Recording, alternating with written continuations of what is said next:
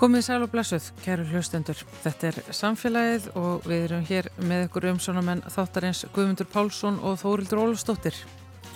Og við ætlum að tala um verðbólgu í þætti dagsins. Verðbólga mælist nú 10,2% og hefur ekki verið svo mikil síðan 2009 og við munum öll hvernig ástandið var árið 2009. En þetta er umfram það sem greiningaræðilar sem svo eru kallaðir höfðu spáð og það verðist alltaf að vera þrautinn þingri að hemja verðbólguna sem eru auðvitað mikill skadvaldur. Jón Bjarki Bentsson er aðalhagfræðingur Íslandsbanka og uh, því eitt þessara greiningar aðeila. Hann sest hér eftir augnablík. Við ætlum svo í miðbygg þáttar að ræða við verkefnastjóra gegn ofbeldi hjá Ríkislauruglustjóra. Það er Eigló Harðardóttir. En meðferð þessara mála, ekki hvað síst þeirra sem tengjast kynbundnu ofbeldi og kynferðsofbeldi, hefur tekið töluverðum breytingum síðustu misserinn. Á hvaða hátt og með hvaða árangri og að hverju er stemt? Eigló fer yfir þetta alls saman með okkur hér oftir. Svo fáum við pistil frá Páli Líndal, umhverfis sálfræðingi í, í lók þáttar. En við ætlum að byrja á verðbólgu.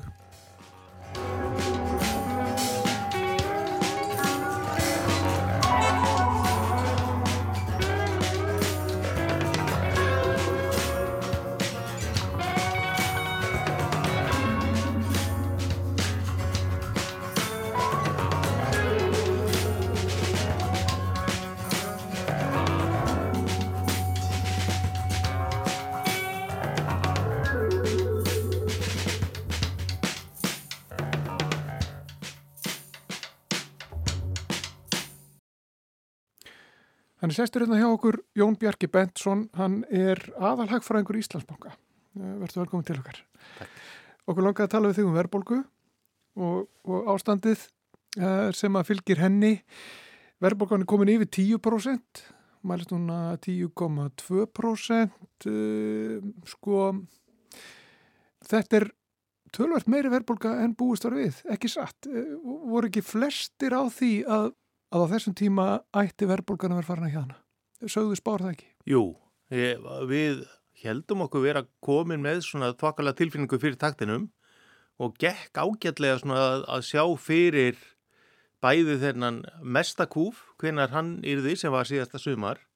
Svo fórum við að sjá verðbólgutaktin trítla niður með haustinu og þá benti svona flesti þess að það myndi svona sjatna í amt og þétt en svo fáum við bara hérna núna nokkra mánuðu í rauð, sérstaklega núna í janúar og februar, þar sem að kemur upp á kafinu að, að undirlikjandi svona verð þrýstingur, bísna víða, er bara tölvert meiri heldur en við bjökumst við og almennt var greinilega búist við, hvað sem að maður horfir á ofinbæra spár aðeins og seglbákans eða, eða uh, greiningadeiltir fjármálavirtæki, það voru allir einhvern veginn orðins, orðins samfærðir og sammála um það að, að, að við myndum nú sjá hjöðnum bara ágreiningur um hversu hröðun er því. Þetta er undarlegt nokk uh, svipu saga og við erum að sjá spilast út í löndunum í kringum okkur. Mm -hmm. að, hérna uh, kollegar mínir sem að hérna svona hafa verið að spá í spilin þeir, þeir eru að lendi þessu saman núna. Það er, það er bæði er, er meiri kraftur, meiri gangur í stóru haggerunum heldur en var búist í bara fyrir nokkru mánu þegar, þegar uh, aðilar eins og haldið á gjaldir sjóðun og þessi díð þessi sem að gera spár fyrir allan heiminn voru að tala um, um hættu á samdrætti og það er því nú lítið í gangi ár. Svo ekki bara ljósa það bara tölverður tölverður kraftur bæði austan og vestan og því fylgir bara þrálátari verðbólka og, þetta er ákveð það sem við erum að horfa hér. Já, förum að segja hvað það þýðir þegar að verðbólgan er komin upp í 10,2%. Eh, hvað þýðir þetta bara fyrir uh, hagkerfið? Hvað þýðir þetta fyrir almenning? Það vera allt dýrara, við vitum það. Uh, vextir hafa hækkað til þess að vega móti verðbólgunni sem er þetta tól sem að Sælabankin notar til þess að, að reyna að hemmja verðbólguna og hækkar vexti. Mm -hmm. Það þýðir bara allt verið dýrara, láni verið dýrari, Allar, það er allt dýrara. Við bara tökum eftir því, við þurfum bara að fara í búð. Það er allt orðið dýr og kannski matara sérstaklega orðin, orðið mjög dýr. Um, getur þú farið svona yfir hvað áhrif þetta hefur og, og hvernig þetta byrtist almenningi? Og mun byrtast bara á næstunni vegna þess að hún er ekkert að fara að rinja niður verðbólgan eitt alveg strax. Nei, það, það, hérna, ég vildi að geti verið jákvæðri varðandi skamtífum horfutnar en, en við erum ekki búin að sjá allt í þeim efnum en þá. Auðvitað þekkja allir það að fara út í búð og, og, hérna, og allt í einu er, eh, er hver póki kostar þetta mörgum hundraköllum eða ég vil þúsköllum meira heldur en þegar fólk fór fyrir hálfa ári eða heila ári og, og matvæla verðbólka sem er öruglega sá þáttu verðbólkuna sem flestir hafa sæmilega góða tilfinningu fyrir? Út af yfir þessu að við erum alltaf að fylgjast með hvað það kostar sem við hérna, sem við kaupum til við væri okkur okkar nástu uh, hún, er, hún er svona sínilegust en hún er samt svona í gróðum dráttum í takti við alls konar aðra verðbólku sem að er uh, svona minna sínileg hverju tíma. Allt frá bara bílum sem fólk kaupir og, og yfir í þjónustu eins og á hálfgræslustofum eða, eða snirtika eða slikt allt er á milli. Allt, nánast allt er að hækka meira heldur en eh, til dæmis verðbúkumarkmið Sælabankars gerir áfyrir það eru örfáir undiliði sem að eru svona til friðs þessa dagana en, en þetta sýnir okkur bara að verðrýstingurinn er svona almennir og, og fólk finnur auðvitað fyrir í rauninni því versta af hvort tvekja e, verðbólkun sjálfri sem að, sem að auðvitað letir pingju landans að eru og breytu og á sama tíma eru viðbröði náttúrulega komið fram að, að verulegum hluta hjá sælabankarum, er vextir en ekki farin að býta að fullu á verðbólkuna þannig að, að það er vona fólk verði uh, verði svona hvert við og ekki sátt af því að það tekur langan tíma fyrir vextin að full áhrif og þegar þið breyta svona rætt þá, þá hérna, eru áhrifin samt með þessari töf en geta orðið náttúrulega sterk þeirra frálýður og, og ég held að verði nú þannig á endanum. Og hann er að á meðan við erum ekki að sjá árangurinn nema að takmarkuðu leiti þá, þá eikst auðvitað eins og við þekkjum þetta óþólk akkvært í að hafa bæði mikla verðbólgu og hafa vexti. En, en þar verðum við samt að halda því til haga að við vitum ekki hvað hefði gerst ella. E, ef að Sæðalbankin hefði nú ekki brúðist við til, til dæmi sko. Og það er, var samt að hugsa þannig að þá erum við samt með 10% verðbólgu og, og, og töluvert lægri greiðslubyrði á lánunum. Því að, að þá er eins vist að bæði væri verðbólgan orðið meiri og, og það væri engin kólnunar áhrif endilega sérstakki kortónum sem að myndi þá slá á verðbólkuna þegar lengra lífur ári eins og við erum þó að gera áfyrir. Þannig að, að, að, að það að hækka vexti og þegar eru með þetta áir er, er auðvitað ekki góður að vinsælt kostur. En hann er íllskári heldur en hitt að breyðast ekki við, hætta á að hér verði ástandið eins og var fyrir 1990 þegar verðbólka var gætnan í, í 20% talinn og, og með allir þeirri óvissu og sóun og, og, og hérna ónógun spartnaði og svona óráðsíu sem að því fylgir. Já, en að þú segir spartnaður, eh, nefnir hann, um, það er erfitt að spara í, í 10% örbulgu? Já, en, en það eru alltaf einhverja leiðir. Mm. Við höfum auðvitað útbreytari verðtryggingu hérna á Íslandi heldur en gengur gerist. Og almenningur getur nálgast verðtriðanspartna annarkort með því að, að leggja inn á verðtriða reikninga í böngum eða, eða kaupa í, í til þess gerðum sjóðum. Uh, þannig að það er hægaran vik fyrir heimilinn sem eiga spartnað að verjan fyrir fyrir uh, verðbólkunni heldur en hvíðast hvar annar staðar. Og, og, og verðtriðu vextinnir eru, eru hafa hækkað. Þannig að, að svona, ef maður horfur út á spartnaðliðinni þá er það þó ykkvað sem að almenningur hér á landi er svolítið betur settur með. En, en vissulega, það, það kemur ekki að sjálfu sér að, að, hérna, að viðhalda vergildi spartnaðarins síns þegar gengur svona mikið á og, og svo skrítið sem það er á meðan vaksta hækkunarferðli er í gangi þá getur allt neikvæð ári líka á, á til dæmis verbreyðasjóði sem eru yfir. En það, það skilar sér svo tilbaka þegar um hægist. Um leið og hérna svona brattarvagstækanir hækka, hætta.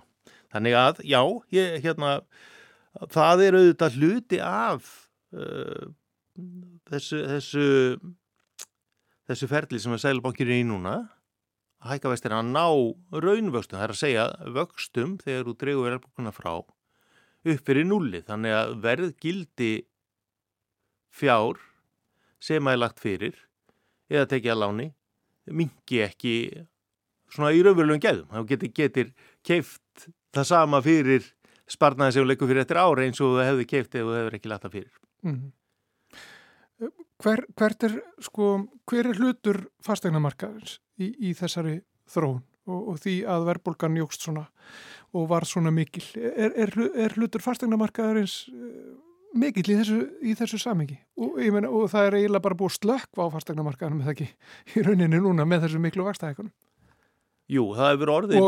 Já, orðið, orðið mikill viðsnúningur á, á fastegnamarkaði núna síðustu mánuði. Við sáum það auðvitað í, í nýbyrtum tölum um veldu, kaupsamninga og aðra svona hagvísa tengdamarkanum sem að húsnæðis og mannfrikjastofnum byrtir að það er miklu lægra hlut að að, hérna seljast yfirverði.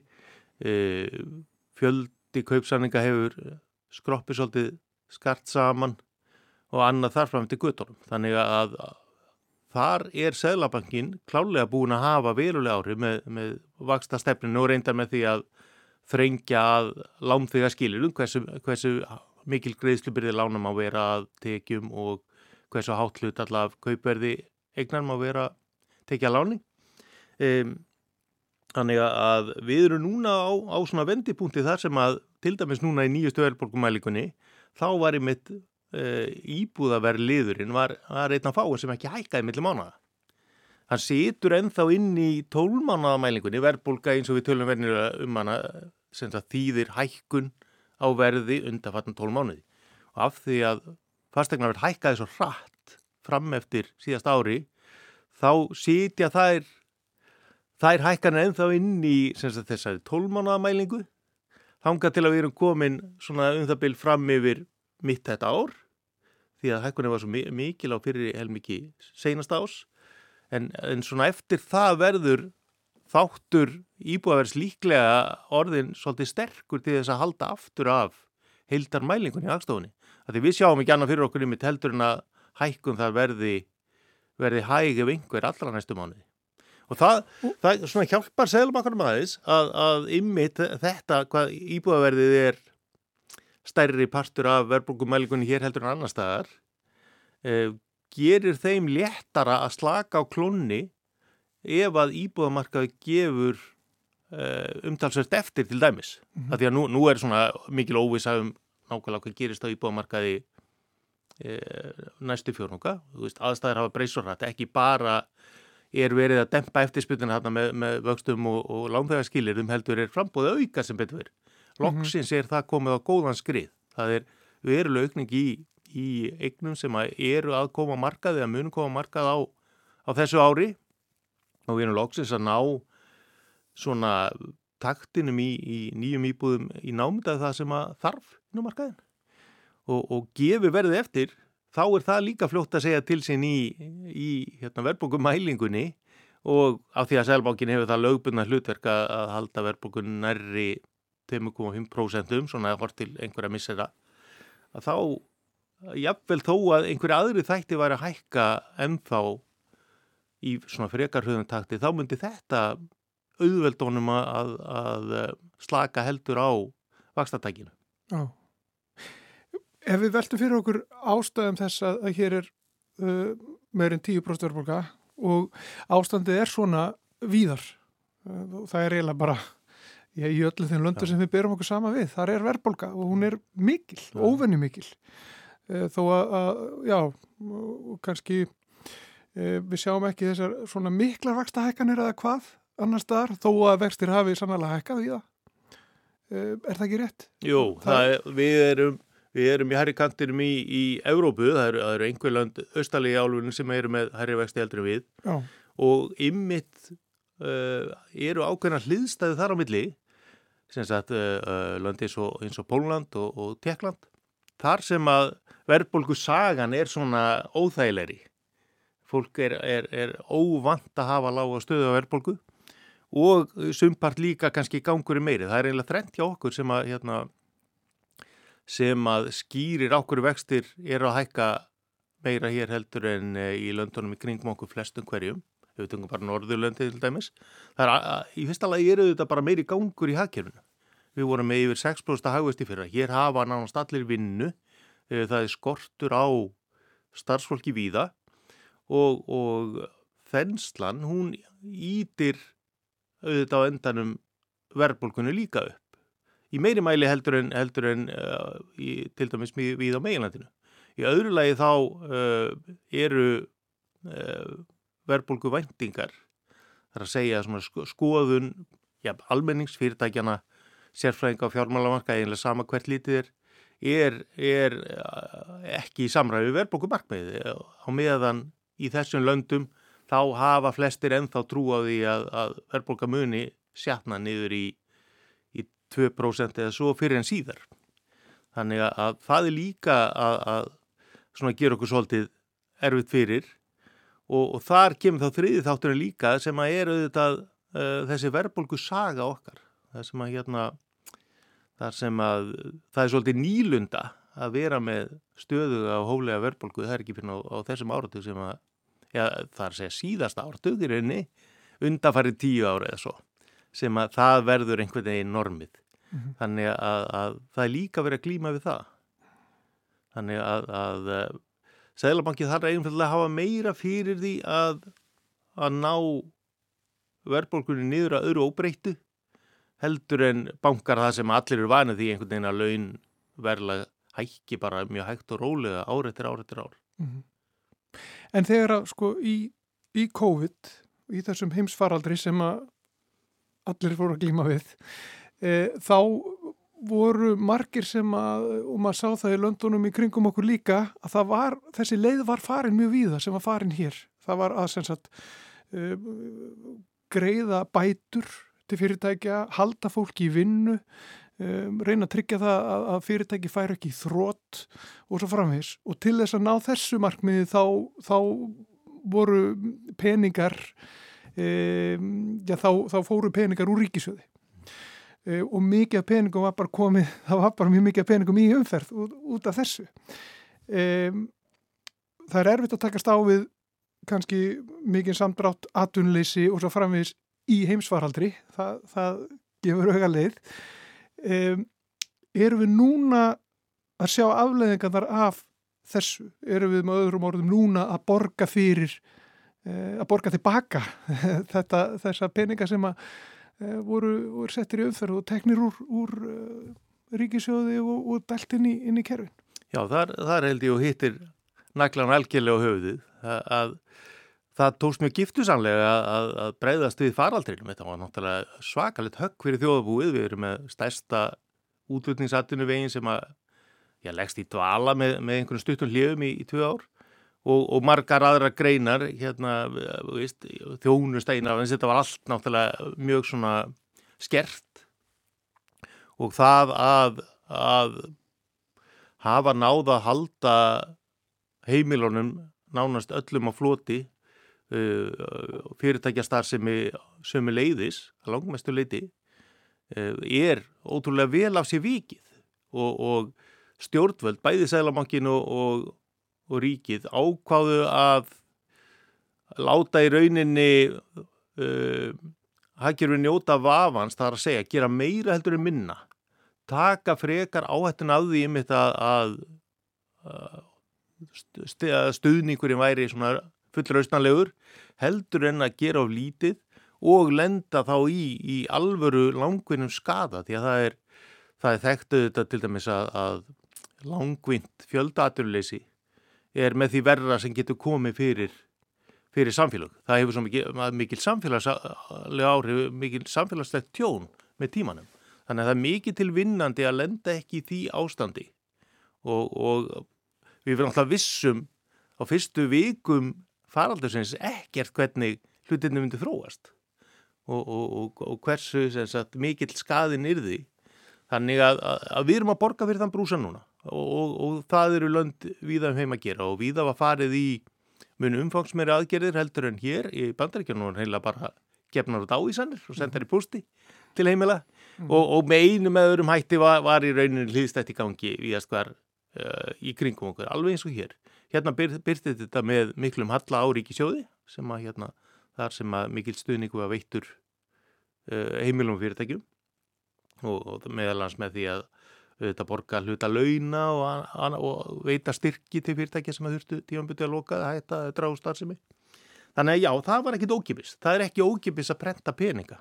Alveg sama í rauninu hvort það er ríkisjóður eða seglabankir eða hver sem gerir það að, að við þurfum að borga þann brúsa og það er hluti af sögunni núna. Að við erum að, að, já, að takast á við það hvað mikið að peningum fór út í efnæðarslífið eh, upp úr 2020-2021. Já, og svo hefur geisa stríð núna í, í Evrópu í, í heilt ár. Já, það, svo, svo bætti það gráinsvart. Vi, við sáum sko verðbúkunum fyrst fara að verða svona til leiðinda þegar í mitt uh, samfélagi fóru rétt og kútum svona undir lók faraldus og fólk var farið að, að, að, að hafi rúm fjárráð og vildi hérna leifa sér meira og sama tíma uh, svona alls konar nögrar og, og tafir og skortur í bæði framleiðslu og vörum og, mm -hmm. og að flytja með til landa og þar frætti guttum. Þá sögðu þið og fleiri, þetta er skott, þetta Já, er hratt niður. Já, ég meit og, og hérna fengu, fengu svo þetta stríð ofan í kaupi fyrir, fyrir réttrúmi ári síðan sem hafði tímabundin áhrif sem er sem betur fyrir byrjuð að fjara tölvert út á, á ekki síst orkuverð en líka alls konar háfurur eins og fólk þekkir Eh, en svo er við þetta bætist að það er ekki bara uppsapnaðu spartnaður eða svona ágangurinn úr faraldus hjálpinni sem að, sem að er að íta undir heimilið. Hér er bara einfallega allt á fullum stúningi mm -hmm. og, og ekki bara til að þjónusta innlend heimil og fyrirtæki heldur auðvitað er, er til að mynda ferðamannagerin auðvitað alveg blúsandi siglingu og búin að koma sterkar tilbaka hér heldur en gengur að gerist, tölver sterkar. Þannig að við sá, sáum að hlutfall til dæmis farþeg að hingað e, fram eftir síðast ári á þeim sem hefur verið fyrir faraldur var mun hærra heldur en, heldur en raunin var svona víðast í öðrum ferðarmannlöndum. Og, og það var, það var náttúrulega mjög gleðilt að sjá en, en er hluti af þessari áskóru sem við tökumst á í núna. Það, það er bara erfitt að fá fólk og fjármagna og kaupa nóg af eh, framlýstutækjum, allt frá bílalögu bílum og, og upp í auðvitað byggja hótel til þess að annaðis öll saman. Já. Þarf að, að draga úr umsöfum allstar? Er það, það óumflíjanlegt að bara ríkið fara að draga úr umsöfum, um, það, það þurfa að um, já, hæja á uppbyggingu til dæmis innviða sem er, er núna búið að, að skipuleggja og eru bara í startólunum uppbygging á íbúðrúsnaði sem þú nefndir áðan uh, og fleira og fleira sko. Ég meina sjáum við fram á að, að, að það þurfum bara að fara núna í einhvern veginn mikið aðhald víða og endar þetta með krepp er það, það óumflíjanlegt? Ég meina mun hún koma síðan Nei. þessu árið til dæmis eins og sumir spá? Nei það er ekki óumflíjanlegt og, og, og þetta aðhald sem hún nefnir í mig, það kemur alltaf endan með ítlu eða góðu og, og viðbröð til dæmis Sælabankans núna eru í rauninni til þess að reyna að frangallaða með uh, skári hætti heldur en gæti orði annars ef að, ef að hérna ef að hækirna veri lifta hýtna ennþá meira heldur en raunin er þannig að, að alveg eins og starfsískinni hans út um allan heim er hann að reyna að kalla fram þessa margrómu mjúkulendingu þar sem að þar sem að aturleysi eikst aðeins hérna, fjölkunstarfa verður hægari og, og svona hlutirnir stabiliserast án þess að fara í mikið bakslag. Uh, og, og við höfum alveg burði til þess. En já, það verður að forgámsa það og það er ætti auðvitað íbúðarhús uppbyggingin að vera í forgangi því að það er, er vandamál sem kemur auðvitað illa niður á, á almenningi landinu, það er sérstaklega hlutan sem að er að stíga fyrstu spóra á, á íbúamarkanum og mikið til vinnandi að það ástand verið eðlera e, og svo í rauninu eftir því verður svolítið að forgansaða svona grunn innviða fjárfæstingu sem við svolítið setja á hakanum hjá okkur. Aftur þetta að hérna, við getum auðvitað hérna, ráðist í allt í einu en, en, en ef að takturinn í, í framleyslu getun er ekki að fylgja þá bara verður það fljótt að segja til sinni að allt verður dýrar heldur en góðu hófi gegnir. Við getum ekki búið til lífskjör með því einu að, að prenta peninga og, og, og hækka laun. Það er skamgóðu vermir.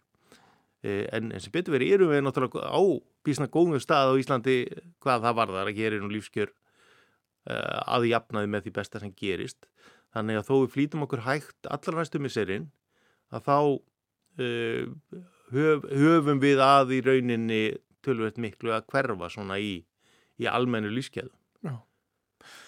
Jón Björki Bentsson, aðalhagfræðingur Íslandsbanka, við þurfum að setja punkt hérna, sko, það má kannski segja að sé ákveðin verðbólka hér í, í þessu, í þessu viðtali. Verðbólkan víða. Við erum búin að tala hérna aðeins lengur en við ætluðum að gera.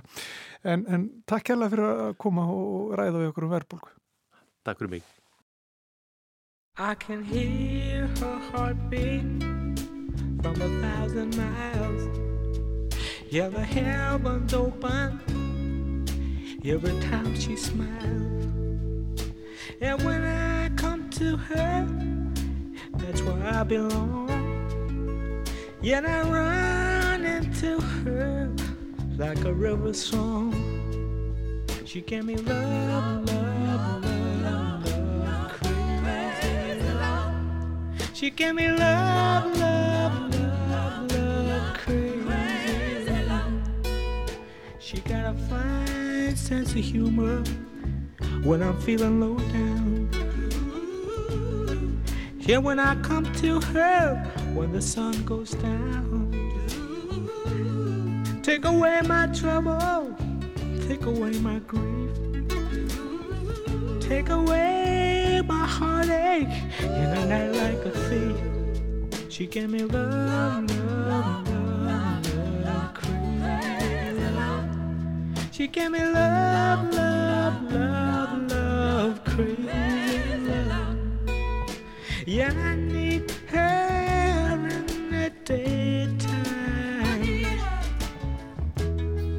Yeah, I need her in the night.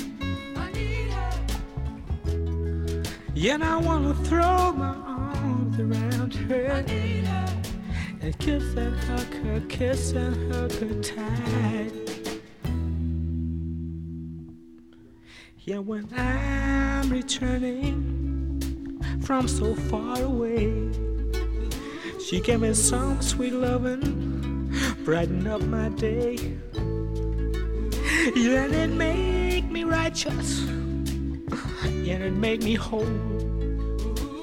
Yeah, and it make me mellow down into my soul.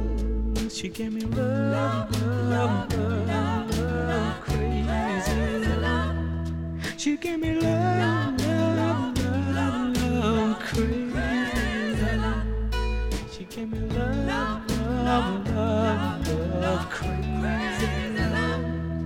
She gave me love, love, love, love, crazy love.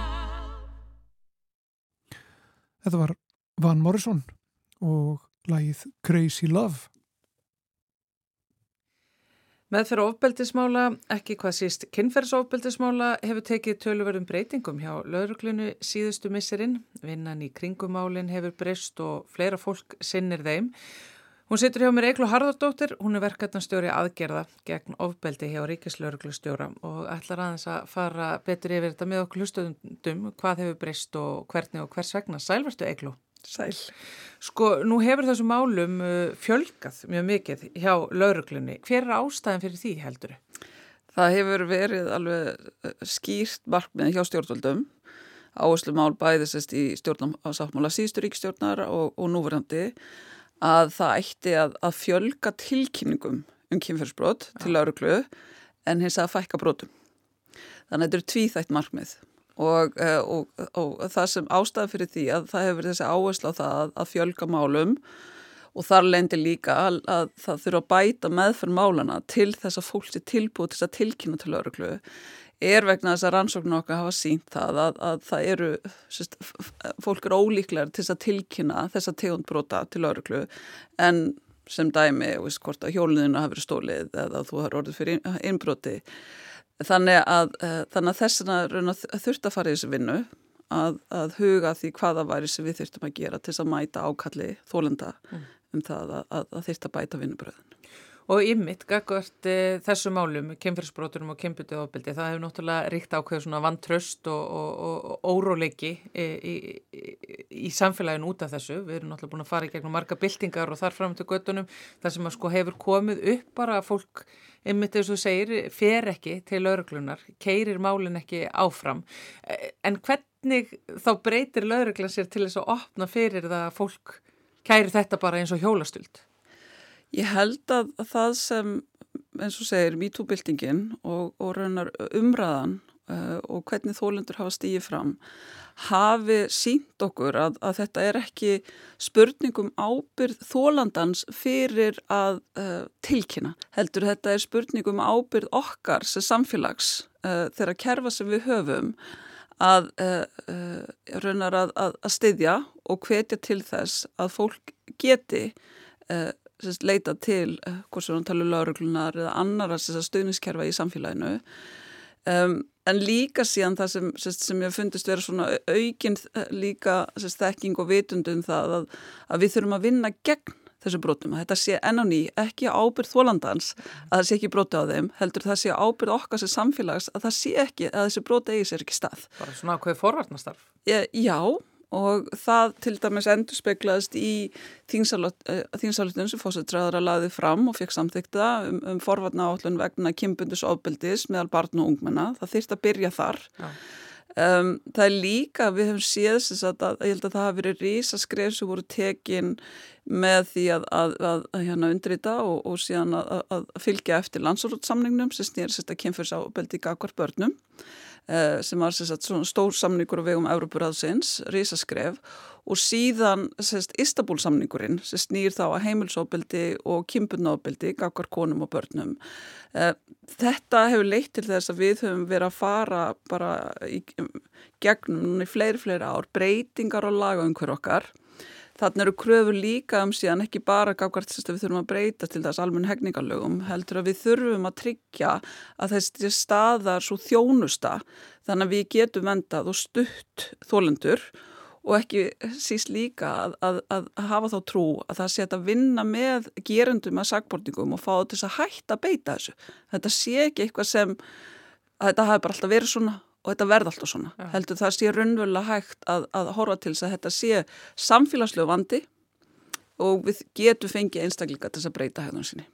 Eins og tengt me too og það var svo umfóðsum mikið, það var svo sláandi, það var svo algengt og síðan líka síðan þessi, sérst, þú sér þessa kimpunu byrtingamind, þá veist að þú sért með meðluta kvenna sem eru þólendur í þessum brotum og síðan ertu með hana gerundur sem eru þá meðluta kallmenn, eh, kallkins og, uh, og það líka síðan þessi mismundu upplifun á annars vega hvenna og karla sérst, á, á þessum, þessum, þessari hegðun.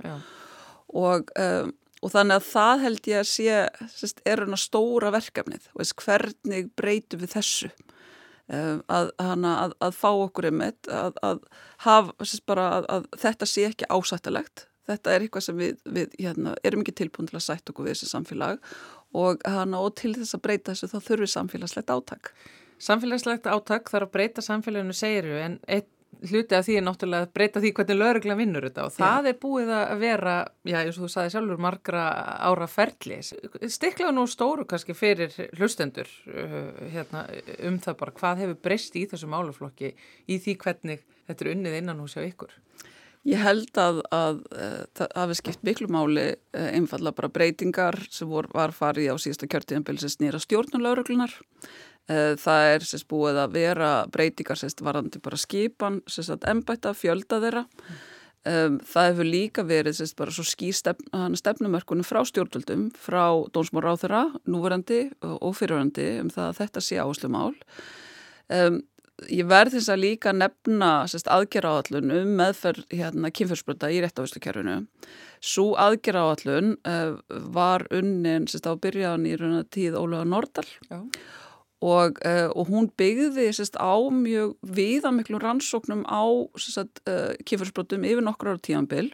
Það sem var að skoða hverjar ástæð fyrir því að, að sum mál fóru áfram og öðnum mál ekki. Hverjar ástæði niðurfællika og kringustæður málana og síðan á þeim grunni að þá kom sérst fram fjölmarka tillögur sérst um það hvað þyrti að gera. Og það var bara farin að bara heilstætt yfir allt rétt á þessu kerfið en líka síðan sérst raunar þá samspili við, við önnur kerfi um úrbætur.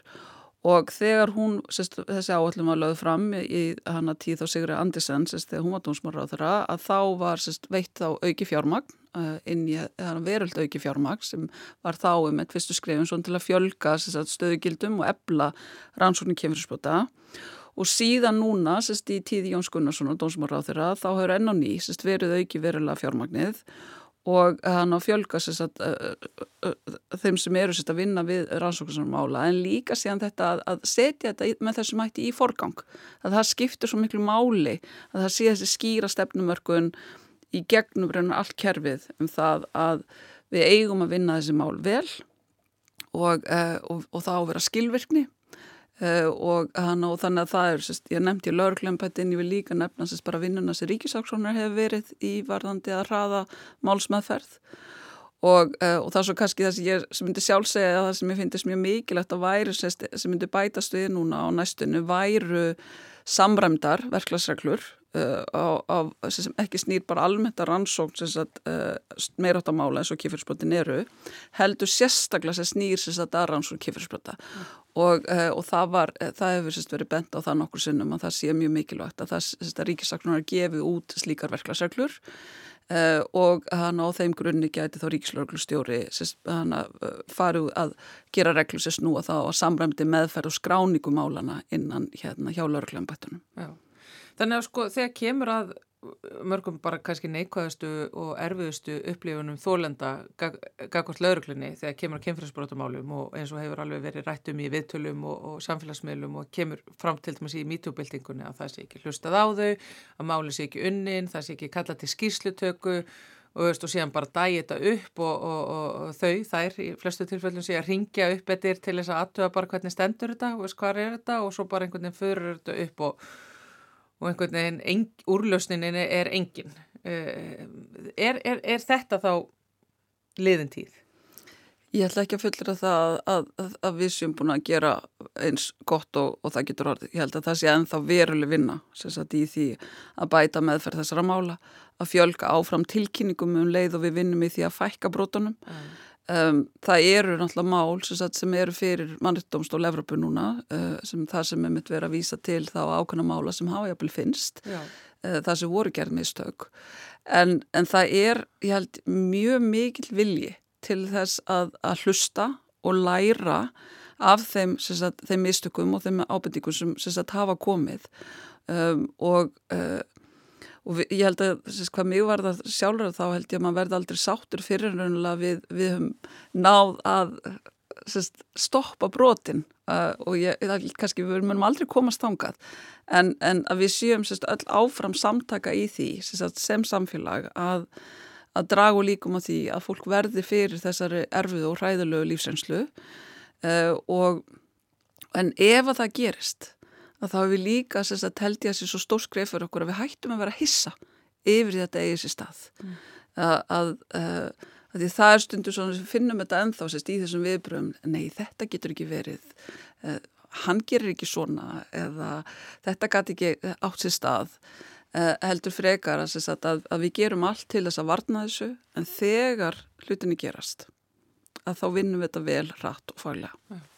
Mér langar að, að spyrja bara út í stemninguna andrúslofti sko innan löðruklunar sjálfrar uh, bara þannig að það sé sagt að þá fer náttúrulega þeim sögum af því að það sé erfitt að keira breytingar uh, í gegn hjá löðruklunni. Uh, Lörglann hefur líka náttúrulega komið í ljósi í, í, í konunum að Lörglann er náttúrulega með mikla ábyrð, þetta er stressandi starf, og þeim líður ofta aldrei illa yfir því að þeir ná ekki að gera ná, nóg. Þau séu sett í aldrei svona vonlösa stöðu. Og síðan er náttúrulega þeim kentum allt eins og ég sagði það sko að, hérna, að lauruglan einhvern veginn svona verður oft aldrei svona vondikallin Um, og síðan veist, er það mikið treyst sem er náttúrulega bagalegt að finna til þegar þú ert fagmanniska bara svona almennt varðandi þetta að hérna hva, hva, hvaða líðan ertu að nema sko meðal þinna kollega inn á, á löggunni gagvart því að það sé verið að breyta þessum álum og það sé verið að keira í gegn í aðgjara áallun er þetta bara ennþá meira aukið álag uh, eða fylgir eitthvað sem að virkilega léttir þeim störf sín uh, gerir þeim klefta að að vera fagmanneskjöldna sem ég held að flesta langir náttúrulega bara til að vera. Ég held að það sé alltaf, það er alltaf erfitt að, að sitja undan gaggrinni þegar þú tilur þú hafi verið að vanda þig. En, en ég held að sé líka eins og mikilvægt þá að munna og þetta sé ríni til gags að, að, uh, að allar, ég held að öll kerfi uh, eða allan þau kerfi sem ég hef kynst þá, þá eru breytingar, geta verið erfiðar en hins eru horfur hana bara á þær breytingar sem, sem síðan nefndi þessum lauruglan hefur að fara í gegnum bara hvernig lauruglan var fyrir 5 áru síðan eða 10 áru síðan eða 20 áru síðan þá eh, gott dæmi til þessum það að það er ekki langt síðan að lauruglanámi var fært upp á háskólastig eh, það hefur verið miklu meira áhersla sérstætt á eh, bara fræðslu, sérstætt símentun og endumendun starfandi lauruglumanna mm. um, það er um það er náttúrulega þannig að, að, að eftirunar má segja bankarhunnið þá þurfti náttúrulega lauruglan líka að, að taka á sig mjög sérst, miklar, mikið aðhald. Já. það var skorið niður. Það var skorið niður til dæmis nánast allt forvarnar sérst, og afbrótavarnar starf lauruglunar um, það var uh, erfi þar á meðal til að sér höfuburgsöðinu var, var að stólita löð niður það sem við kannski kalla samfélagslöggesla Já. En þetta, sérst, núna, sérst, að, veist, náttúrulega bara þetta mörgum ára síðan, þá hafa mér náttúrulega verið að byggja þetta upp. Og, það sem ég kannski tala sjálfsestum þegar ég er að ræða þetta, sérst, að við mína kollega og þess að starfa, sérst, inn á laurugluna er það að, að það sé þarna eins og svo oft, veist, kannski eins og í mínum fyrirstörfum, að það sé svo oft mikilvægt að hlusta líka eftir þögninni, að, að við heyrum frá þeim þar sem, sérst, hlutinu gengur ekki nóg vel en við vitum það líka og veist, við horfum til þess á þjónustukannanir gagvart lauruglunni að þá sagt, er mjög stór hluti sem, sem við erum ekki að hýra frá sem er mjög sáttur við það hvernig lauruglan er að vinna málinn ja. um, það er þannig að lauruglan nýtur mun meira tröss en til dæmis allting íslendika og, uh, og margar sérst aðra stopnanir og, uh, og ég held að það sé sérst, ég vona að með því að við höldum áfram að vinna sérst vel í þessum álflokkum sem um öðrum að, að við getum viðhaldið og, og hald, haldið þessu trösti því þetta er ómedaleg verðmætti að hafa þetta tröst mm. og, uh, og hafa það líka með þetta að, að einn ástæðan fyrir að við fáum þetta mikla aðtegli líka uh, fjölmela og almennings í þessum málum er það að við erum, við erum þannig til staðar á erfustu stundu fólks þegar vestu hlutin er, er að gerast. Fólk er að segja okkur frá því, því vestar sem það eru upplifað Um, við erum líka þarna til staðar þar sem við erum að við þurfum að meg og meta uh, sannleiksskildi uh, þess þeirra upplýsingar sem við erum að fá. Við þurfum að gæta hlutlægni. Það getur oft líka verið sérst mjög erfitt að, að, að hafa það í huga við getum ekki tekið skýrt afstöð með eða á móti heldur við þurfum að reyna sérst að fylgja þeim leikreglum sem alþingi hefur sett okkur. Og, um, og, og það er það sem ég finn að já, það getur verið erfitt að setja undir gaggrinni en þetta er þess vegna svo mikilvægt og það hefur verið svo skýrt frá fórustu lauruglunar, frá ríkislögstjóra, frá dónsbára á þeirra að við þurfum að hlusta uh, og við þurfum að gera betur. Og það er vonandi að endur speglast í þessu tölun sem lauruglustjórnu höfuborgsæðinu var að kynna núna um hraðari málsmaðferð uh, og hérna og hlusta eftir þögnina áfram. Já. muna það, muna veist, að já það, það getur verið þannig einstaklíkar og eru einstaklíkar sem er ekki sáttur við hvernig við höfum verið að vinna hlutina en það er líka fjölmarkir sem eru sáttir. Og það þurfum bara að gera meira því sem, sem við gerðum kakvar þeim. Egló Harðardóttir, verkefnastjóra aðgerða gegn ofbeldi á Ríkislauruglustjóra Takk fyrir að koma í samfélagið. Takk auð og mannlaus hús engin kakkalakki og engin hagamús. Hér var her í landi og háð þau köldu stríð við ímyndaðan óvinn í austri alla tíð. Ameríka,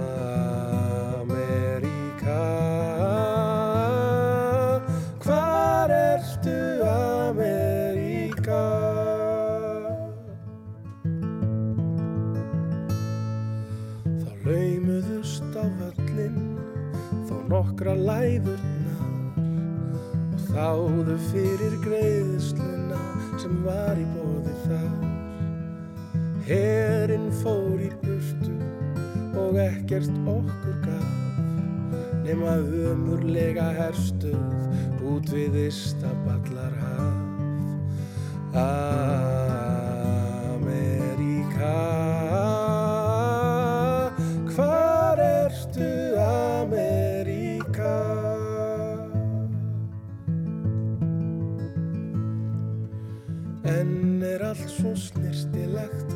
öllu haldið við. Þó amerískir hermenn vakt ei lengur hlið Því hann kemur ennum nætur til að þrýfa þessi her. Þeir sem hengdu sig og skutu út úr leiðindurum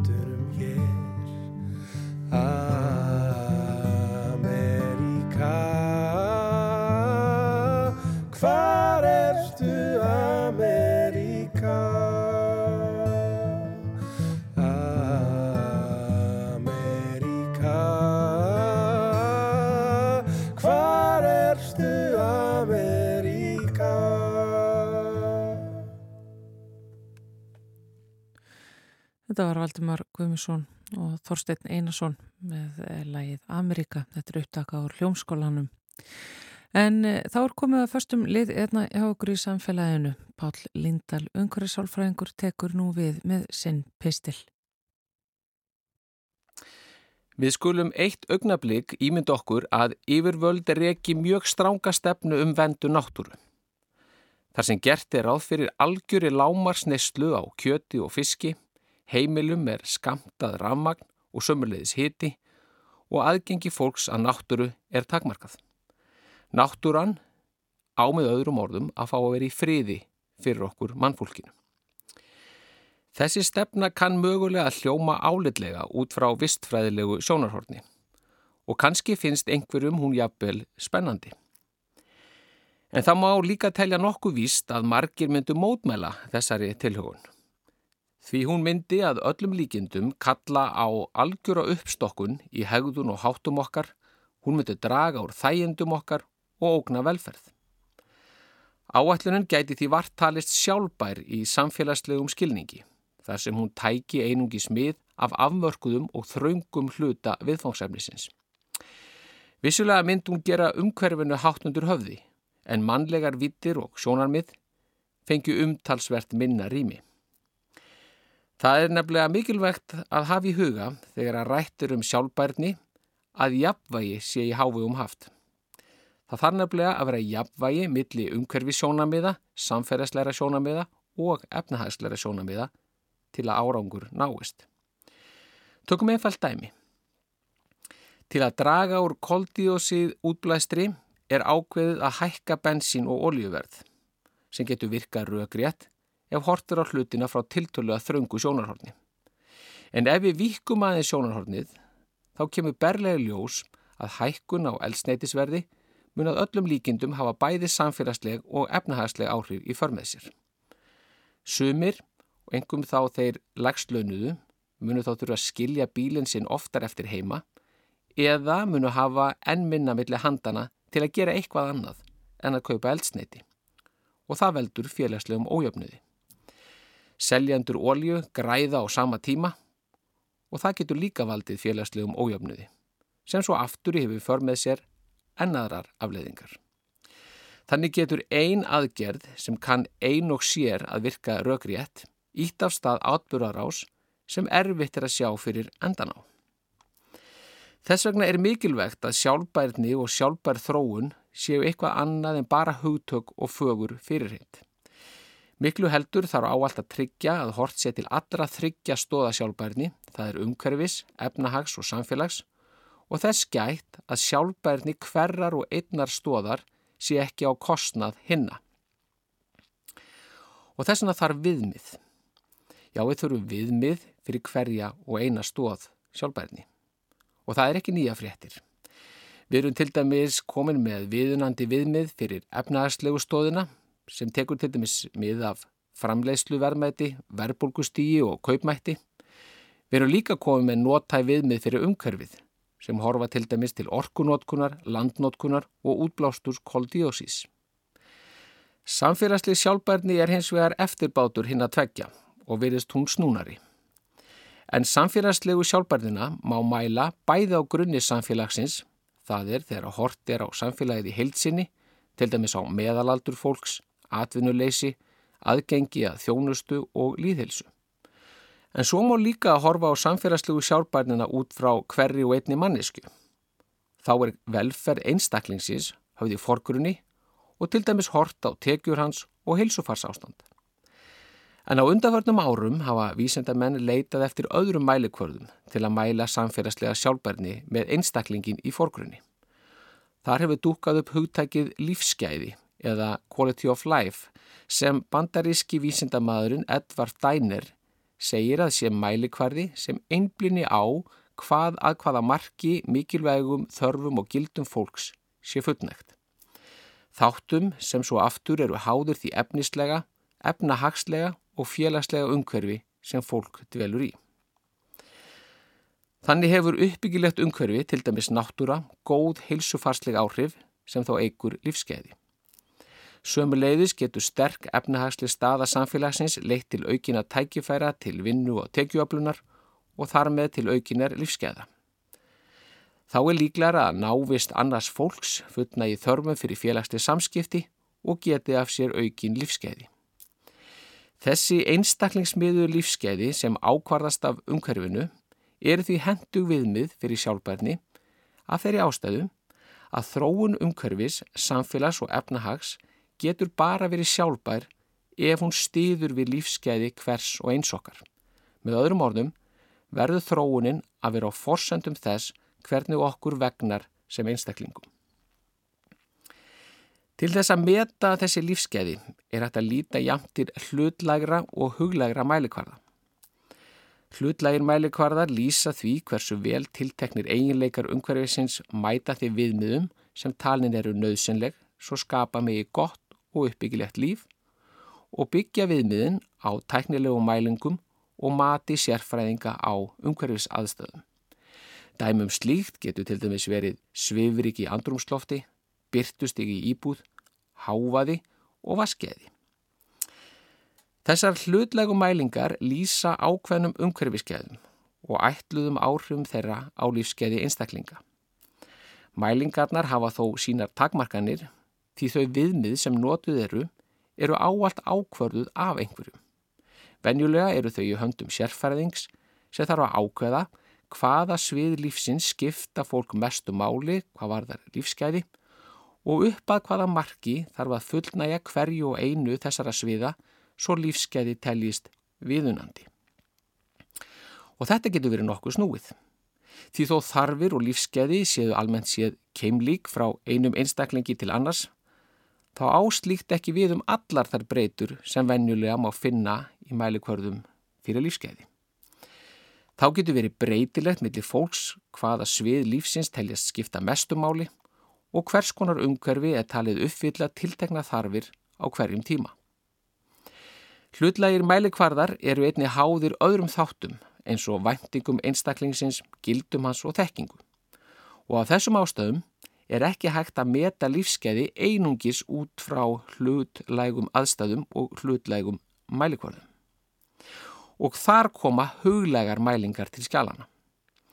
En þær byggja á upplifun og reynslu einstaklingsins og tala þannig fyrir rannsóknum á mati fólks á tilteknum eiginleikum umhverfisins auk þess að varpa ljósi á að hversu miklu leiti einstaklingar telja að umhverfið fullnægi þeirra þörfum og gildum.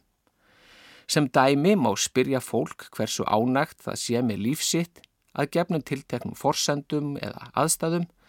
Þá getur fólk tjáð jákvæðar eða neikvæðar tilfinningar, bjart sinni eða svart sinni hvað hvart ólíkum þáttum lífsins með eða núverandi stöðu mála. Hlutlægir og huglægir mælikvarðar geta því báðir nýst við að varpa ljósi á og eða kortleggja lífskeiði á grunni einstaklingsins.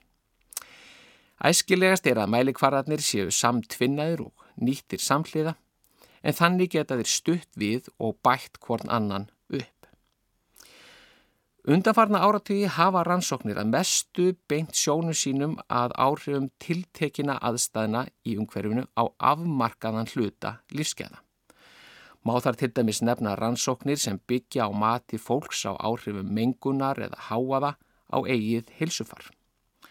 Þó slíka rannsóknir séu góður og gildar, þá er mikilvægt að hafa annars vegar í huga að flestar umhverfis aðstöður hafa fjölþætt áhrif á lífskeiði og hins vegar að lífskeiði er undir áhrifum margvísleira umhverfis aðstæðana.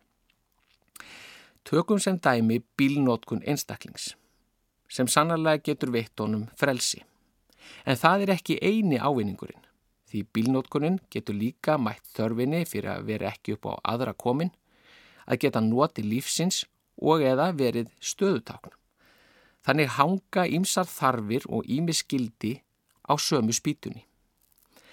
Með sama hætti er frelsu okkar ekki bara bundi við að geta ekið um á bíl, heldur getur frelsi líka falist í aðgengið að náttúrni eða aðgengi að þjónustu. Þannig tengist frelsið margvíslegum umhverjus aðstöðum.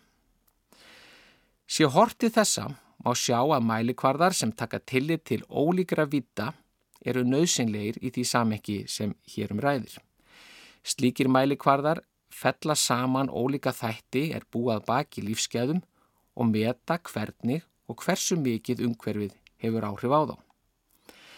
Sem fyrir segir þá höfum verið bundin af því að horfa tiltölulega þröngt á samspil fólks og umhverfis og þá ofta tíðum freistast til að láta val á mælikvarða ráðast frekar af þægjendum þess sem framkamir vinnuna en að mikilvægi mælikvarðans til að varpa ljósi á viðfásefnið.